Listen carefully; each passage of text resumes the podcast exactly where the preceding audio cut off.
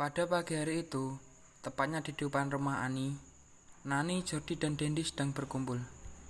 Tidak lama kemudian si Ani keluar dan dari rumahnya mendengar ketika temannya itu sedang ngobrol di depan halaman rumahnya. Hai, ada apa ini? Kok tumben kalian pada ngerumpi di depan rumah aku? Gak manggil aku lagi. Aku tadinya sih mau memanggil kamu, tapi kamunya aja yang sudah keburu nongol. Gak ada cara kamu hari ini, Ani. Gak ada tuh. Emang mau ngajak ke mana? Kok kayaknya mau ngajak aku jalan gitu? Enggak kok, aku cuman nanya aja. Ya siapa tahu aja kamu mau ke mana gitu. Kan biasanya kamu padat acara. Enggak ada kok, hari ini aku stay di rumah aja. Tiba-tiba Jordi menyampaikan idenya kepada teman-teman untuk ngejailin Lela. Biasanya lewat di depan rumah Ani. Eh teman-teman, aku ada ide nih. Ide apaan tuh? Biasanya jam segini kan Lela pasti lewat sini. Gimana kalau kita kerjain dia? Itu juga kalian? Ngerjain Lela. Ah, kamu ini jahat amat sih jadi orang. Iya tuh, kenapa sih dari dulu kamu tuh nggak pernah berubah? Dari dulu kan kerjaannya pengen ngejalin orang terus. Biarin, kan itu emang hobiku.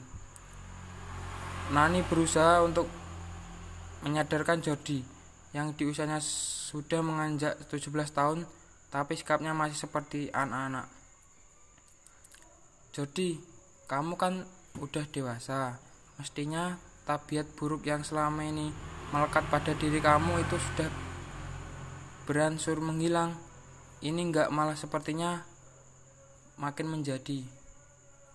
Tuh, dengerin kata si Nani. Harusnya kamu tuh bisa bersikap lebih dewasa dan kebiasaan kamu yang suka menjalin orang itu sedikit demi sedikit harus kamu hilangin.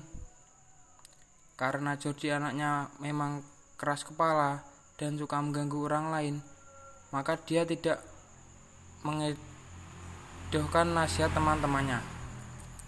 Ah, masa bodoh kalian. Melihat sikap Jody yang tidak juga sadar di tentang kebiasaan buruknya, Dendi pun berusaha menyadarkan Jordi.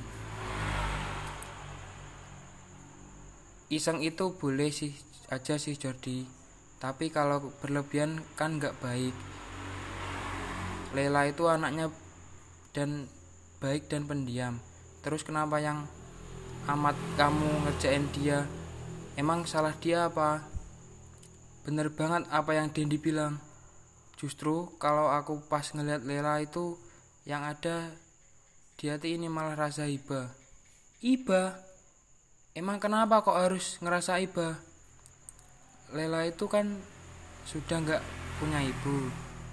Dia sehari-hari menghabiskan waktunya untuk membantu ayahnya dagangan di pasar Jordi baru tahu kalau ternyata Lela sudah tidak memiliki ibu. Mendengar kabar tersebut, keinginan Jordi untuk menjaili Lela pun pupus. Oh, begitu ya. Kasihan ya si Lela. Ya sudah, aku janji nggak bakal ngejalin atau ngerjain Lela lagi. Bagus itu. Tapi jangan hanya sama Lela doang. Sama siapa pun kamu nggak boleh bersikap jahil. Itu kan perbuatan dosa. Benar itu. Ah, kalian dikit-dikit dosa. Semenjak itu, Jordi sudah tidak pernah mengganggu Lela lagi. Namun, perang gaib buruknya masih saja tidak berubah. Sering membuat onar di kampungnya dan juga di sekolahan.